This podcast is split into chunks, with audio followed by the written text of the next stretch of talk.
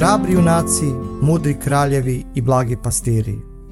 Pridružite nam se dok uskačemo uzbudljive priče o veri, nadi, ljubavi i spasenju. Ovi kratki podcasti su tu da dele vanvremenske priče iz Biblije na zabavan, priglačan i uzbudljiv način. Kao i uvek, ako želite da slušate Bibliju u njenom originalnom obliku ili da sami pročitate ove događaje, Kliknite ispod na linkove koji su dati. Nadamo se da ćete uživati. Hajde da počnemo.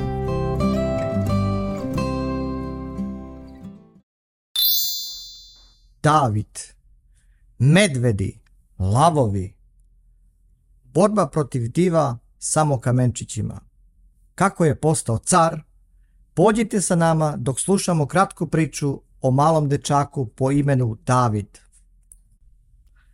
David je bio sasvim običan dečak koji čuvao ovce, svirao harfu i uživao u životu. Mnogo toga nije razumeo, bio je samo dečak, ali to mu nije smetalo da održava svoj odnos sa Bogom. Redovno se molio i trudio da bude što bolji pastir i što bolje dete. Često je razmišljao o tome kako to da je baš on pomazan za cara i šta to uopšte znači. On je nekako bio najmanje od svoje braće, a eto, njega je sveštenik izabrao da ga pomaže za budućeg cara u Izraelu. Znao je on ko je bio kralj Saul. Čak ga je video par puta. Bio je to visok i lep čovek. Delovao je snažno, kako i priliči caru da bude. Nije mu se svidjelo kako car Saul vodi i upravlja svojim narodom. Sigurno je znao da kada on jednoga dana bude car, da se on neće tako ponašati. David je voleo Boga i često se molio. U opasnim situacijama, kada bi lav ili medved napali stado, on bi se pomolio i Bog bi mu dao snage da pobedi i medveda i lava. Jednoga dana dok je čuvao ovce i pevao psalme Bogu, došli su po njega. Nisu mu objasnili o čemu se radi, ali su mu rekli da se okupa i ošiša, da se sredi jer ide da vidi cara. Dok je išao ka palati, pomalo je bio nervozan, jer nikad pre nije bio u palati. Kada je video cara, bio je zadivljen, onako visok i lep, obučen u carske haljine, delovao je baš veličanstveno. Ali, kada ga je pogledao u oči, video je nešto što do tada nikad nije video pre. Video je nemir, strah, zeb. Ne znajući šta da radi, počeo je da svira i peva pesmu koju je napisao jednom kada je bio uplašen. Zvuk sa harfe i mio glas polako su umirivali cara dok se nije u potpunosti umirio. David je od tada živio na dvoru sve dok nije izbio rat sa susednim narodom Filistejcima. Pošto je bio dečak i nije mogao u rat, Poslali su ga kući kod njegovog oca Jeseja. I dok je trajao rat, Jesej je odlučio da pošalje Davida da obiđe svoju braću na boljnom polju i da im odnese nešto hrane i čiste odeće. Hodajući putem pored natovarane mazge, David je smišljao psalme i molio se svom Bogu. Uskoro je stigao do linije fronta. Prolazeći pored vojnika u punoj ratnoj opremi, tražio je svoju braću. Odjednom, začuo je neki neartikulisani zvuk nalik režanju. Grr, vi crvi, dođite da vidimo koliko je jak vaš bog. Ja sam Golijat.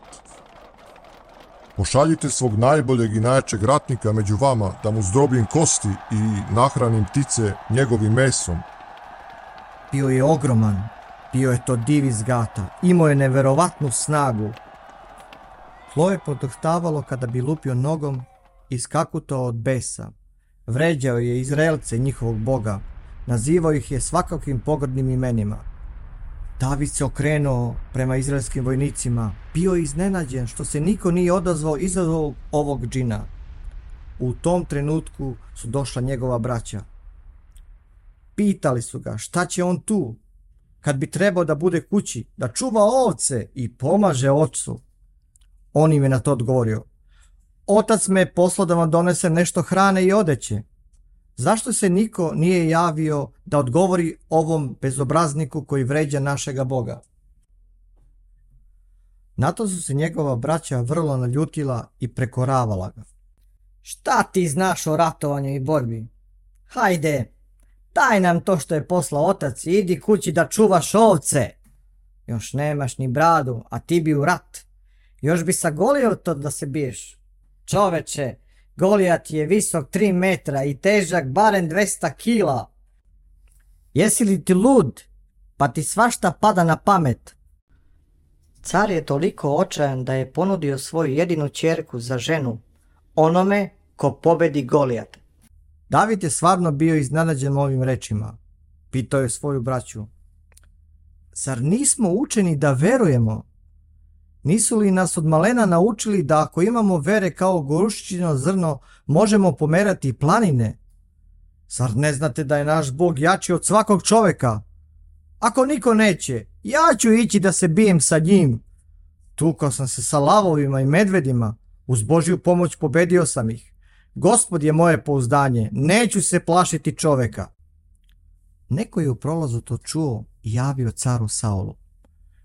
On je naredio da dovedu Davida pred njim. Davide, čujem da se spremaš da izađeš pred Golijata iz Gata. Hvališ se kako si po veri pobedio lava i medveda. Da li je to tačno? Bez razmišljenja David mu odgovorio. Da, čestiti care Saule, tako je. Sutra ću izaći pred njim i pobedit ću ga u ime našega Boga Oca. Car se veoma iznenadio ovim odgovorim. Dobro, rekao je car, ako već imaš takvu veru, idi! Uzmi nešto od moje opreme. To je najbolja oprema koja postoji u Izraelu i šire. David je probao šlem. Bio mu je toliko velik da mu je prekrilo lice i nije mogao ništa da vidi. Probao je verižnjaču, ali ispod te težine nije mogao da diše i bila mu je prevelika.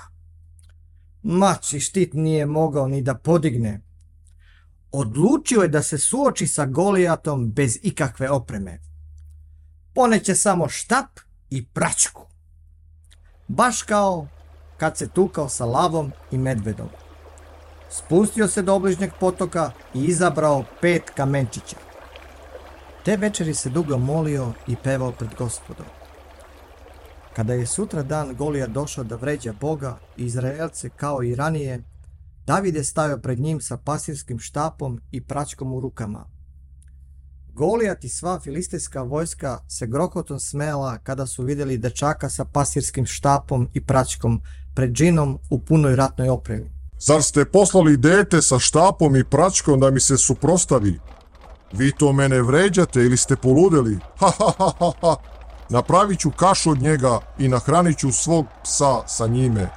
Likovao je Golijat unapred se radojući lakoj pobjedi. David je bio miran. Pogledao je u njega i u filistijsku vojsku i rekao mu Ti si veliki moćan ratnik. Imaš oštar mač i ogromno koplje. Ali ja izlazim pred tebe u ime gospoda nad vojskama i danas ću nahraniti ptice tvojim mesom. Golijat se toliko razbesneo da je sav pocrveneo. Počeo je da skače od besa. Mahao je mačem skrnući zubima. Potrčao je prema Davidu sa podignutim mačem. Zemlja je počela da podrhtava pod njegovim koracima. David je zavrtao pračku u kojoj je stavio kamenčić. Kada je dobio potrebnu brzinu, otpustio je. Začelo se samo jedno tras. Kamen je pogodio Golijata i zabio mu se posred čela.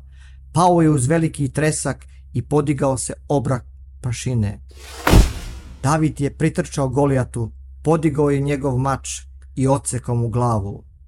Vidjevši Golijatov kraj, filisteska vojska se uplašila i počela da beži. Izraelska vojska je tada navalila i pobedila ih. To je bio početak podvika koje je Bog činio kroz Davida koji je postao car u Izraelu. Šta Bog može da učini sa detetom koje ga voli? Šta Bog može da učini sa detetom koje želi da poštoje Boga celim svojim životom? Pogledajte malog Davida koji je promenio živote celog naroda. Dragi slušalci, Bog želi da vas u velikoj meri iskoristi. Da li volite Boga? Da li želiš da budeš dete Božije kao mali David? Vi to možete. Ako želite da vaši roditelji ili prijatelji ponovo pročitaju ovu priču iz Biblije, možete je pronaći u vašoj knjizi Kralja Jakova u knjizi Prva Samuilova glava 17. Ako vam je potrebna Biblija ili želite da naučite više, možete razgovarati sa svojim roditeljima, učiteljem u nedeljnoj školi ili pastorom. Ovo je bila priča vaših balkanskih baptističkih prijatelja.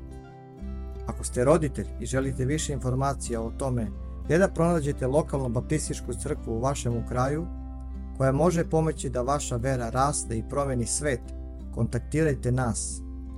Možete nas kontaktirati na balkanbaptist.gmail.com Biblija je i danas živa i menja živote.